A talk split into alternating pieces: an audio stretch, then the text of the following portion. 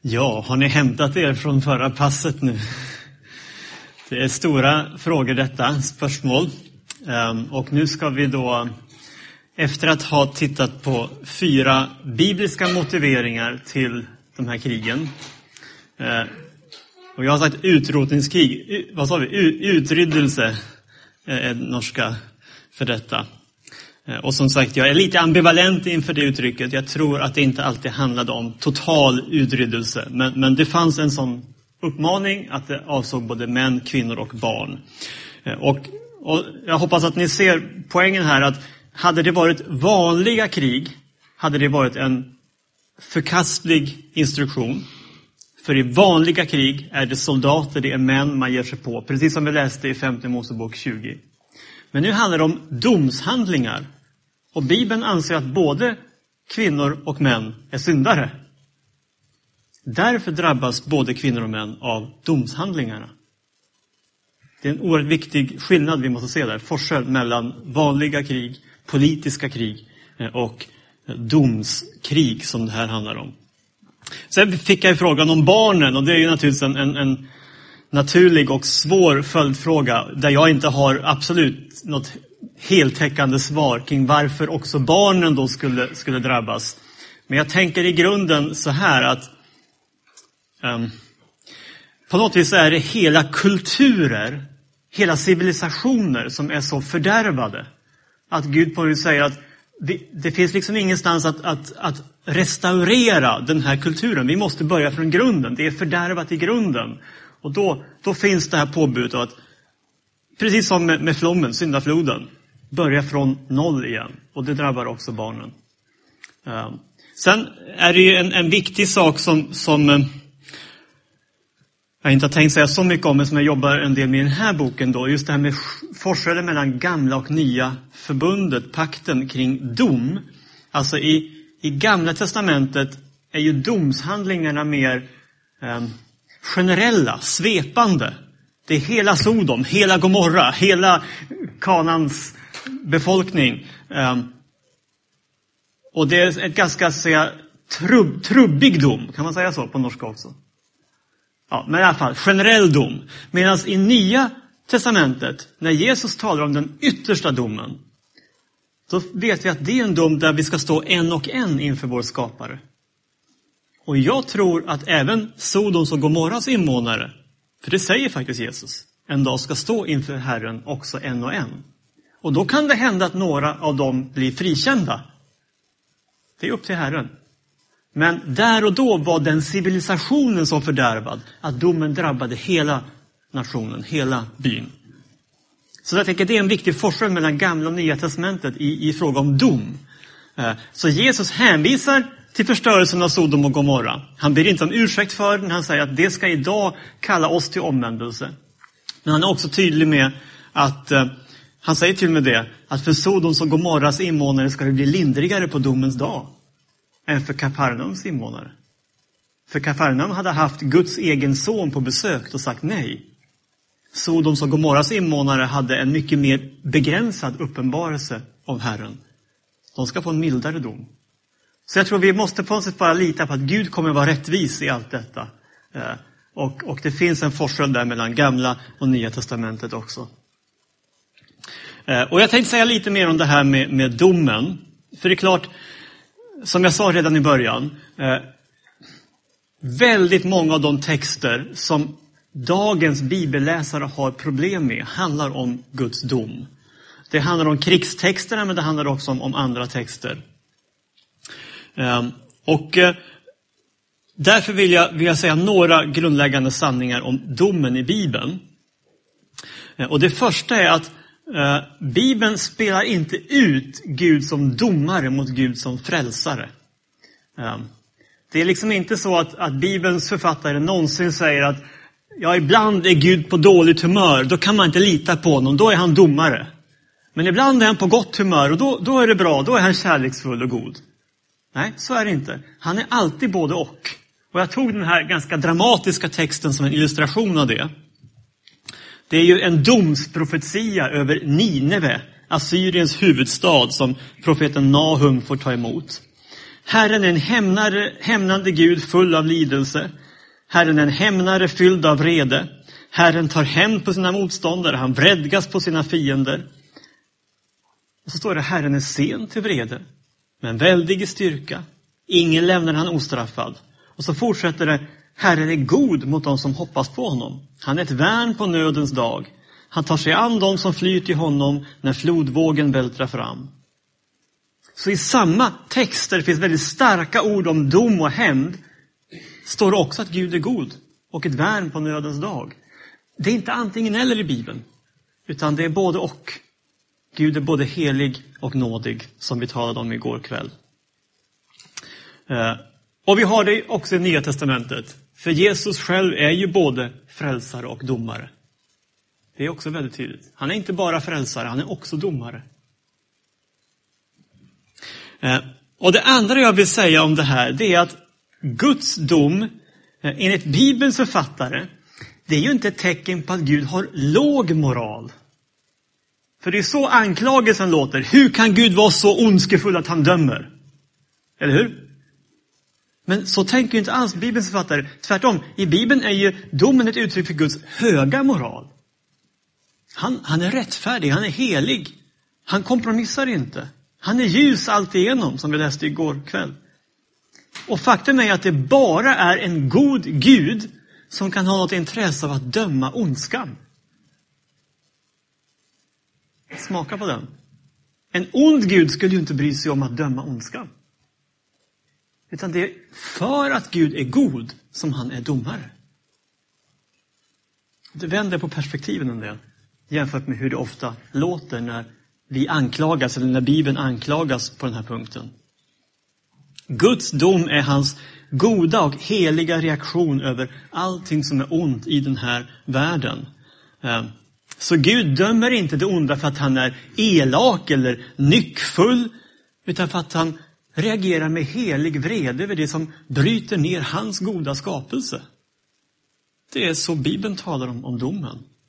Och än en gång, på yttersta dagen är det Jesus som ska sitta på domarsätet och skilja fåren från getterna. För att han är god. Och jag skulle vilja dra det så långt som att säga att jag skulle inte lita på en Gud som inte dömde ondskan. Stole på en Gud som inte dömde ondskan. Hur ska jag kunna lita på en Gud som ser mellan fingrarna med all den här världens ondska och djävulskap? Och ändå så är det så ofta som det blir en anklagelse mot Gud att han är en domare. Ett helt annat perspektiv än Bibelns författare. Men då kommer vi till en, en, en tuff fråga. Det har ju med Bibelns människosyn att göra. Det talas väldigt mycket om människosyn idag. Alla människors lika värde och alla de bitarna. Bibeln är glasklar med att vi är skapade till Guds avbilder. Men också att vi genom synden har kommit på avvägar från Guds ursprungliga plan med mänskligheten. När vi kommer till Nya Testamentet ser vi att synden i oss människor, ja den är så allvarlig att Gud själv behövde träda in och ta straffet för din och min synd. Jag brukar tänka på det också när man ibland säger att i Gamla Testamentet är det så mycket dom och vrede och, och tal om synd och sådär. Men i Nya Testamentet är det bara nåd och... Tänk, har ni läst Nya Testamentet? I Nya Testamentet är ju synden så allvarlig att Gud själv måste gå i döden för att sona den. Kan man tänka sig ett mycket allvarligare budskap om synden? Så jag tänker att egentligen så säger korset två, två helt avgörande saker. Det säger för det första, och det ska vi verkligen lyfta fram, det säger att så mycket älskar Gud den här världen och oss människor, att han är beredd att gå i döden för vår skull. Låt oss aldrig skymma det eller glömma det. Men i samma andetag säger Bibeln också att så allvarlig är synden att Gud måste gå i döden för den. Det hade varit helt meningslöst av Jesus att gå i döden om inte synden var djupt allvarlig. Och ett annat sätt att uttrycka det, det är att vi alla egentligen är förtjänta av Guds dom. Och när vi ändå inte döms är det ett uttryck för Guds nåd. Vi slipper dom. Vi slipper drabbas av vreden därför att den har redan drabbat hans son. Så för mig blir liksom Självklart finns det en forskel mellan gamla och nya testamentet, men, men nya testamentet för mig stryker under de sanningar som gamla testamentet ger oss. Ehm. Och det är klart, det som är jobbigt att ta in här, det är att den ger ett ganska osmickrande porträtt av oss människor. Vi, vi har mycket fint i oss. Vi är Guds avbilder och vi är älskade av honom. Men vi är också på irrvägar från honom. Ehm. Och det, det är djupt allvarligt. Synden är djupt allvarlig. Och den förtjänar vår, eller Guds dom. Ja. På korset tog Jesus straffet i vårt ställe. Men ibland så drabbar domen här och nu. Och särskilt tydligt är det i Gamla testamentets doms och krigstexter. Ja, det är lite tankar kring det här med domen som, som jag tror att de här texterna ändå hjälper oss att, att få syn på. Vet inte om det är någon fundering eller spörsmål kring det innan vi går vidare.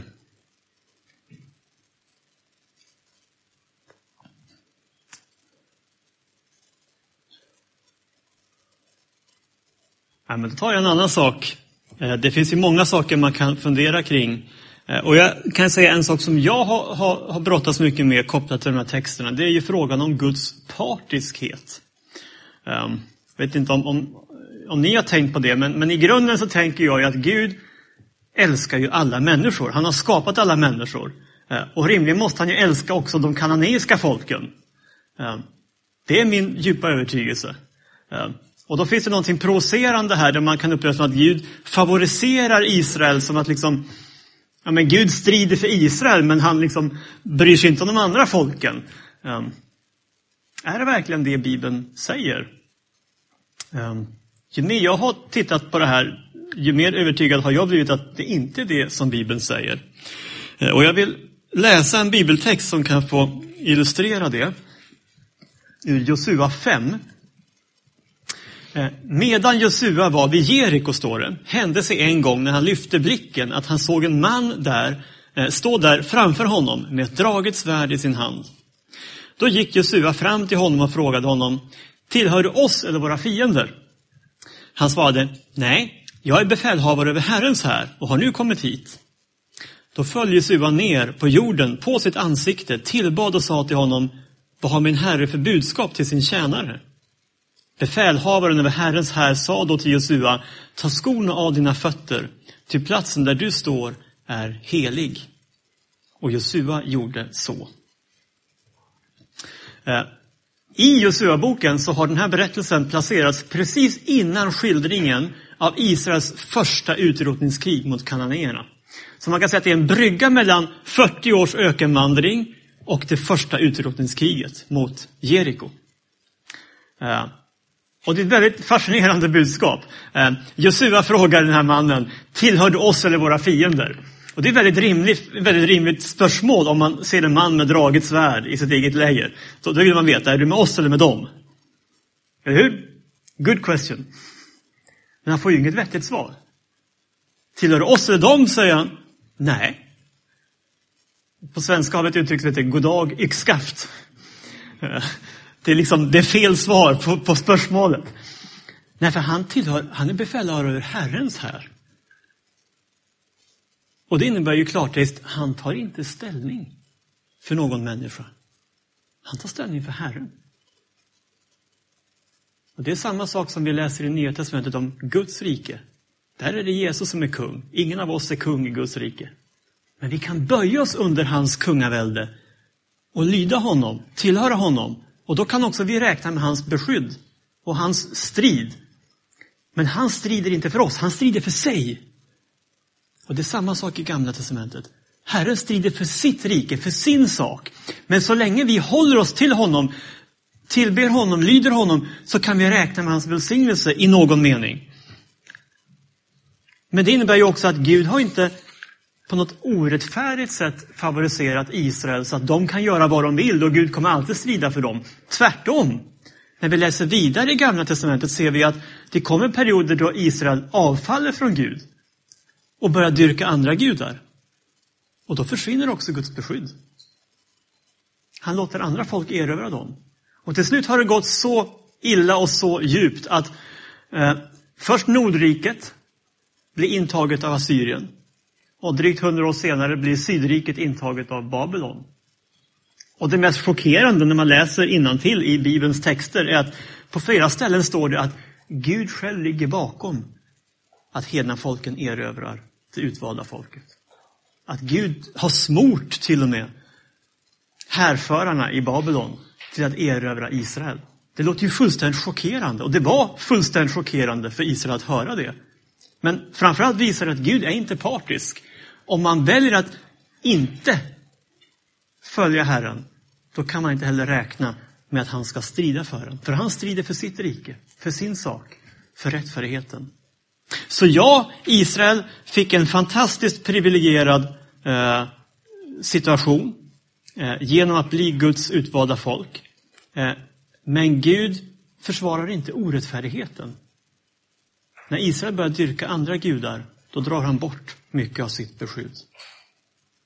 Sen genom Guds nåd så låter han ändå en, en liten rest bli kvar i Juda och, och, Messias kommer och allt det där. Och det är också en del av, av storyn. Men, men min, min poäng här handlar om Guds partiskhet. Eh, och så har vi ju hela den här grundläggande frågan om forskellen mellan gamla och nya testamentet. Jag har inte sagt så mycket om det än. Men det är klart att det är uppenbart att det finns skillnader mellan gamla och nya testamentet. Eh, och en konkret spörsmål man kan ställa här, det är ju om vi säger att krigen i Gamla Testamentet ändå går att försvara på något sätt, att de, de hade en, en, en, rimlig orsak. Skulle det också innebära att vi säger att det idag är rätt att kriga i Guds namn? Och för mig är svaret helt självklart, absolut inte. Vi ska inte kriga alls på det sätt som Israel gjorde när de intog Kanans land.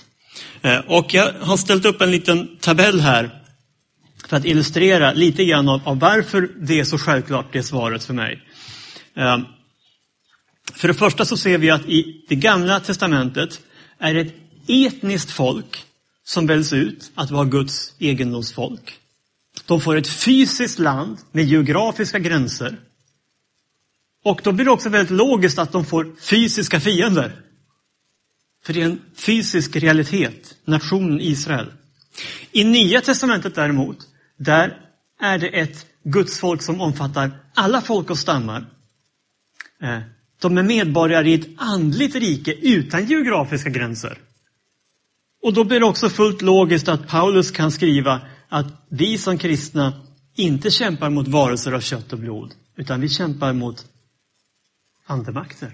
Syndens makt, dödens makt, djävulens makt. Det finns en andlig krigföring som varje kristen är kallad att att stå i och, och är indragen i automatiskt kan man säga. Eh, men det är inte fysiska fiender vi ska strida mot. Eh, så där finns det en, en väldigt tydlig forskel. Eh. Så jag menar att Gamla Testamentets krig kan inte användas som argument för krig i Guds namn i vår tid. Eh.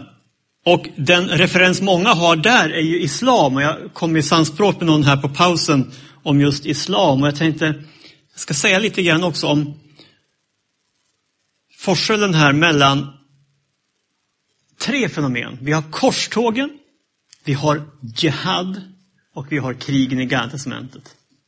Tre fenomen som ofta buntas ihop som att det är ungefär samma sak. Jag menar att det är tre ganska olika saker. Eh, och jag vill börja med att säga att eh, Jihad är ju ett missionerande krig.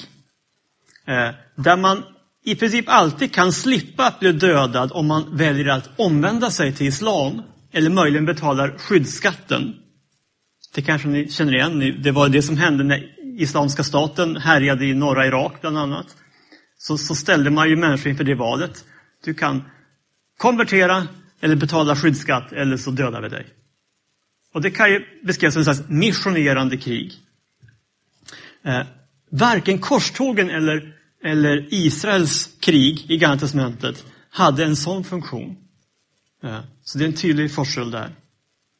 Eh, och vi vet också idag att, alltså att korsfararna, eh, de var inte inspirerade av Gamla Testamentet när de stred för att inta Jerusalem. Situationen var den här att första korstågen var ju slutet av tusentalet efter Kristus. Eh, och ni som kan er kyrkohistoria vet att 1054 hände någonting väldigt dramatiskt. Att öst och västkyrkan gick skilda vägar. Den ortodoxa kyrkan, skulle vi säga idag, då, bildades jämfört katolsk och ortodox. Eh, samtidigt så var muslimska härar i det bysantinska riket väldigt aktiva och intog område efter område. Till slut var det bara en halva riket kvar av det bysantinska riket som inte var intaget av muslimska härar. Eh, och man stod utanför huvudstaden och hotade att inta också den. Då i sin desperation ber östkyrkan påven i Rom om hjälp och säger att om inte ni kommer till vår undsättning kommer kristen närvaro att bli utraderad i hela öst. Kom ihåg att det här är alltså mindre än 50 år efter att de här två kyrkorna har splittrats. Så att det måste ha verkligen varit ett svårt steg att, att be om hjälp till sin, som man haft en sån konflikt med. Men man, liksom, man, man, är så desperat att man, man ber om den hjälpen. Och påven bestämmer, ja, vi ska undsätta våra kristna syskon i öst. Eh, som motivering för det hade man inte Gamla krig. Utan man hade Jesusorden om att ta sitt kors och följa Jesus. Att lämna far och mor, att inte sätta sin hand till plogen. Alltså evangelietexter. Sen hände det saker i de korstågen som är absolut tragiska och ingen anledning att försvara. Men bakgrunden till korstågen är inte så, ska jag säga, svart, mörk som den ofta målas. Eh, det fanns någonting väldigt rimligt i att undsätta de kristna i öst på deras egen önskan. Eh, och det innebar att, att korstågen hade inte alls till syftet att vara missionerande krig i sin första fas. Utan det var ett sätt att stötta och återta territorium åt de kristna i östkyrkan. Eh, eh, så även där kan vi se att Gamla krig var ingen viktig inspirationskälla. Eh, om vi däremot då jämför Gamla testamentets krig med det muslimska Jihad, då ser vi också ett antal skillnader. Eh, om vi börjar med krigen i GT så var de avgränsade till ett specifikt geografiskt område. Det var Kanans land. That's it. No more, no less. De sju folk som var bosatta där. Jihad däremot, det gäller alla icke-muslimer.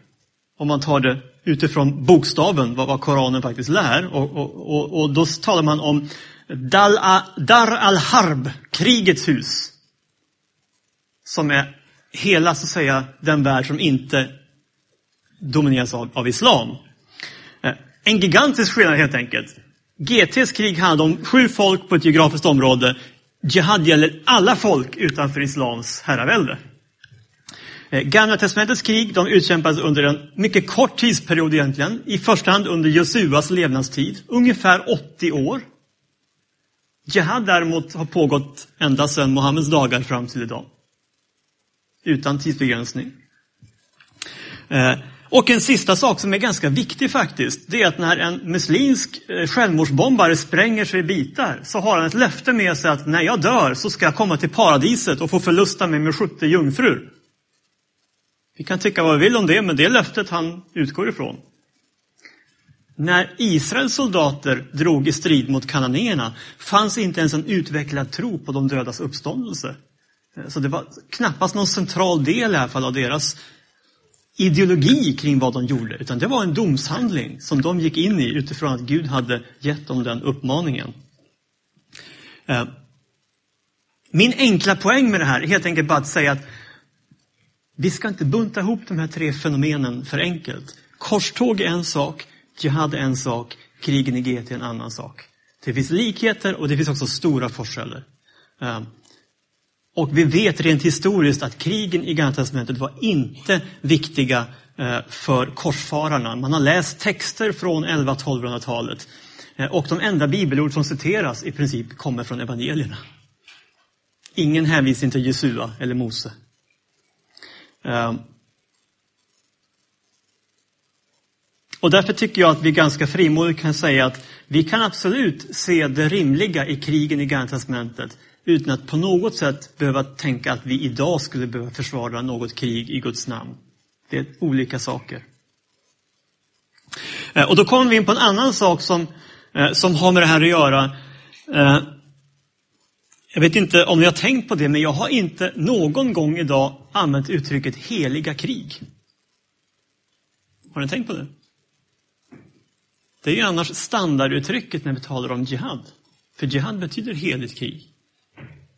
Eh, men faktum är att Bibeln använder inte det begreppet. Begreppet heligt krig finns inte i Bibeln. Det finns i Koranen, men det finns inte i Bibeln. Eh, och eh, jag tänker så här, för att någonting ska beskrivas som heligt i Bibeln, så behöver det så att säga vara etiskt perfekt. Det handlar egentligen om att det tillhör Herren, men det också att det, det återspeglar Guds väsen, hans renhet, hans godhet. Och krigen i Gamla testamentet lever inte upp till det. Det är fortfarande ett söndrande av Guds skapelse, att människor dör. Krig må vara ett nödvändigt ont ibland, men det är fortfarande ett uttryck för den här världens fallenhet. Och vi ser det när kung David säger att han vill bygga ett tempel åt Herren. Och hans profet säger att det låter som en jättebra idé, go for it. Och så knackar Gud på på natten och säger till profeten, nu var du lite för snabb. Eh, David ska inte bygga det här templet. Han kan få förbereda för det. Och vi vet ju sen att det är Salomo. Och Salomo betyder ju fridens, alltså Salomo, Shalom, fredsfursten. Eh, men så här säger han till David. Du ska inte bygga ett hus åt mitt namn, för du har fört krig och utgjutit blod. Och det som är så intressant här, det är att vi vet att David har utfört många av de här krigen på Guds befallning, eller i alla fall med Guds goda minne. Så att det var inte fel av David att utföra krigen. De var ett nödvändigt ont, om man så vill. Men det betyder inte att de var moraliskt oproblematiska, utan den som bygger Herrens heliga tempel, han ska inte ha blod på sina händer. Och här görs en väldigt tydlig distinktion. Ja, krigen må vara nödvändiga, eh, men de är inte heliga. De kan ha ett heligt ärende i meningen att de beskyddar Guds folk. Fair enough. Men krigen i sig är inte heliga. Tvärtom är de ett uttryck för att Gud använder vår fallna och bristfälliga värld för sina syften, inklusive ett sådant fenomen som krig. Och sanningen är ju den att varje gång Gud använder en människa gör han just det. För ingen av oss är syndfri. Så varje gång Gud använder dig och mig använder han ju någonting moraliskt bristfälligt för sina syften. Och det mest drastiska uttrycket för det i Bibeln, det är krigen. Han använder någonting moraliskt bristfälligt för sina syften. I alla fall är det den slutsats jag har dragit. Det är ju knepiga frågor det här, så att man kan tänka olika. Okej, okay, ja men visst. Ja, nej men lite kärnfullt då så, så är väl spörsmålet att um, Israel, jag sa ju själv, de hade det dubbla uppdraget att vara ett ljus för hedna folken och också utföra Guds domshandlingar. Och som du då säger så var ju det uppenbart för de folk som låg i närheten. De fick både möjligheten att, att se det goda med, med deras tro, men fick också erfara allvaret i domen. Men de andra folken då, som var längre bort. Eh, Dels tror jag faktiskt att, att eh, ryktet om Israels goda lagar till exempel, de spreds ganska stort. Eh, det, det, är den uppfattning jag har fått, att, att det var ju ändå kommunikation mellan folkslagen och man tog intryck av varandra, i alla fall över tid. Eh, men det här är ju också någonstans, alltså hela Bibelns berättelse eh, går ju i sådana steg. Alltså Gud väljer ut Abraham, sen blir det Israels folk. Sen kommer Jesus och då blir alla folk. Alltså, och det är en del av ett, ett slags mysterium. Varför gör inte Gud allt på en gång? Liksom? Men, men på något sätt så, det finns en tidsaxel här där där vi har nåden att leva i en tid där, där vi har större förutsättningar att, att få lära känna Herren. Och det är ju en slags orättvisa. Man kan också uttrycka som att det är en nåd, att vi, vi har den möjligheten. Sedan 2000 år tillbaka. Då. Men, men jag, kan, jag har inget övrigt svar på liksom hur vi ska tänka. Med. Men det jag tror mig veta det är att vi kommer dömas i slutändan efter våra förutsättningar. Eh, och, och eh, på något sätt så ställer ju Gud högre krav på de som har mycket kunskap. Ju mer vi vet om honom, desto större ansvar har vi att ta ställning för honom. Och det tycker jag ändå är en tydlig princip också i Nya Testamentet.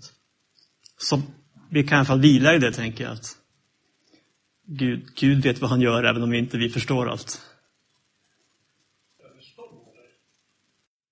Alltså, när jag läser den texten så, så har jag nog tänkt att det, det också är ett slags konstaterande. Att fädernas felaktiga val får konsekvenser eh, också för senare generationer. Jag är medveten om att det ju faktiskt står att Herren gör någonting i detta. Ehm, vi ska komma ihåg att huvudpoängen i det bibelordet är att han har nåd med tusenden när man följer honom. Det, det, är lite typiskt att vi hakar upp oss på den, den negativa sidan. Ja, vi har rätt att göra det, men jag bara tänker, om man läser hela versen så ligger betoningen också på att han faktiskt ger nåd mot tusenden när man, när man älskar honom. Men jag tänker mer, alltså, det finns ett uttryck som heter generationssynd. Generational sin, att, att någonstans felaktiga val hos förfäder på något vis ändå fortplantar sig i, i generationerna. Eh, och att det, det, finns ett negativt arv där som, som vi ibland kan behöva eh, göra upp med. Ja. Det är i alla fall så jag har sett tillämpat det bibelordet, men, men, men det kanske är en förenklad lösning, men, men så har jag tänkt. Ja. Har vi ett allvarligt missbruk i familjen till exempel så, så kommer det få konsekvenser i flera led. Eh, ja, det finns många sådana olika vägval som fortplantar sig. Men där jag tänker att en, en, en fantastisk möjlighet vi har genom tron på Jesus är att vi också kan bryta med sådana negativa arv och på börja från scratch just för att vi har tagit emot Guds kraft i våra liv. Eh, Ja, så tänker jag.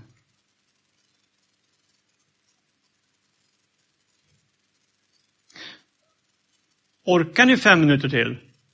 Jag har en sista grej som eh, skulle...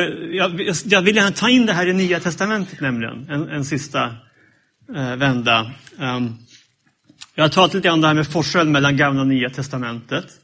Um, och eh, och, och det, där kan man säga att, att det finns en en, att det inte är en kontinuitet, det är, det är forskel helt enkelt. Men det finns också en kontinuitet eh, mellan Gamla och Nya Testamentet kring det här med Gud som krigare. Jag tänkte, får jag några minuter så, så säger jag någonting om det.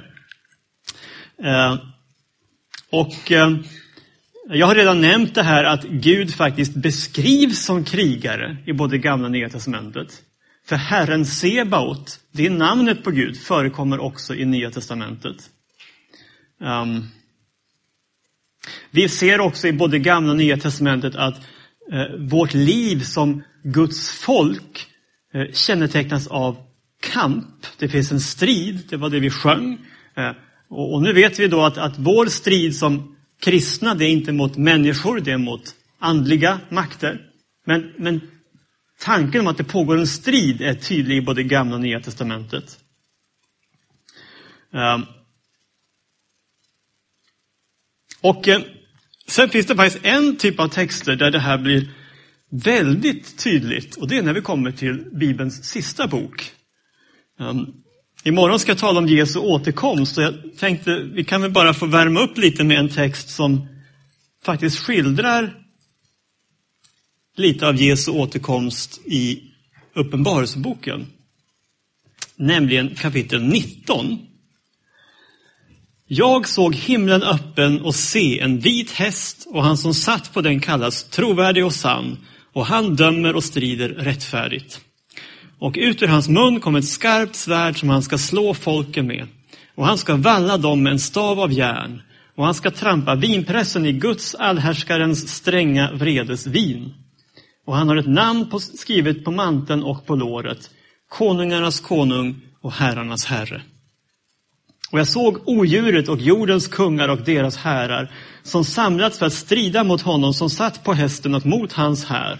Och odjuret togs till fånga och likaså den falske profeten som gjort tecken inför odjuret och förfört dem som tagit emot dess märke och tillbett dess bild. De kastades båda levande i eldsjön som brinner av svavel. Och de andra dödades med svärdet ur ryttarens mun och alla fåglarna åt sig mätta på deras kött. Det här är inte heller riktigt den bild av Jesus vi brukar lyfta fram i söndagsskolan. Eh, men det är faktiskt Nya Testamentet det här. Eh, och för mig är det ganska uppenbart att det här är en skildring av Jesus som har väldigt mycket paralleller till Gamla Testamentets krig. Eh, här träder Jesus fram som krigare på en vit häst. Han har ett skarpt svärd. Och vi vet att svärdet i Nya Testamentet står för Guds ord.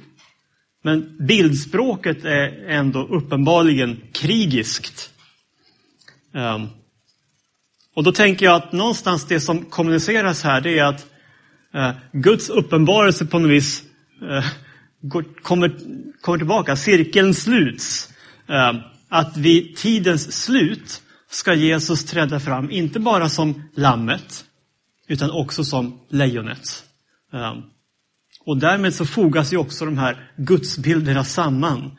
Ehm, att eh, Jesus både är lammet som offras för vår skull, han är också lejonet som reagerar med, med vrede och dom över synd och ondska. Eh, och här tänker jag att vi kan ha en annan lärdom från Israels historia. För när Gud kom första gången i människans gestalt så förväntades det att han skulle komma som krigare. Det judiska folket väntade på en Messias som skulle slänga ut romarna och strida med ett riktigt svärd mot dem. Istället så fick de ett offerlamm. De fick ett litet barn i Betlehems krubba. Och väldigt många förstod inte ens att Gud var där. Vi kan ibland riskera att begå det omvända misstaget. Att vi är så eh, fästa vid det fantastiska i att Gud har kommit som det värnlösa barnet och offerlammet. Att vi glömmer att han själv har sagt att vid sin andra tillkommelse kommer han som lejonet av Juda. Och då tänker jag att vi i vår förkunnelse behöver ge en sån bred skildring av vem Herren är, vem Jesus är. Att vi inte begår det omvända misstaget som det judiska folket gjorde. Så att vi inte står redo för Herren så som han faktiskt har sagt själv att han ska komma på den dagen. Och det gör ju också att de här skildringarna av krig i Guds namn, eh, de drar saker till sin spets visar både på ett allvar men också visar på någonting av Guds kraft och Guds storhet. Eh, som vi kanske behöver också som kristna. Eh, det är i alla fall den tanke jag bär med mig utifrån ett sånt här bibelstudium. Eh, att vi faktiskt, som vi läste i den här allra första texten, allt Gud har sagt i skriften är utandat av honom och till nytta idag för vägledning och undervisning och fostran Ja, vi kanske behöver de här texterna för att lite grann skakas om också i vårt inre och i vår relation till Gud.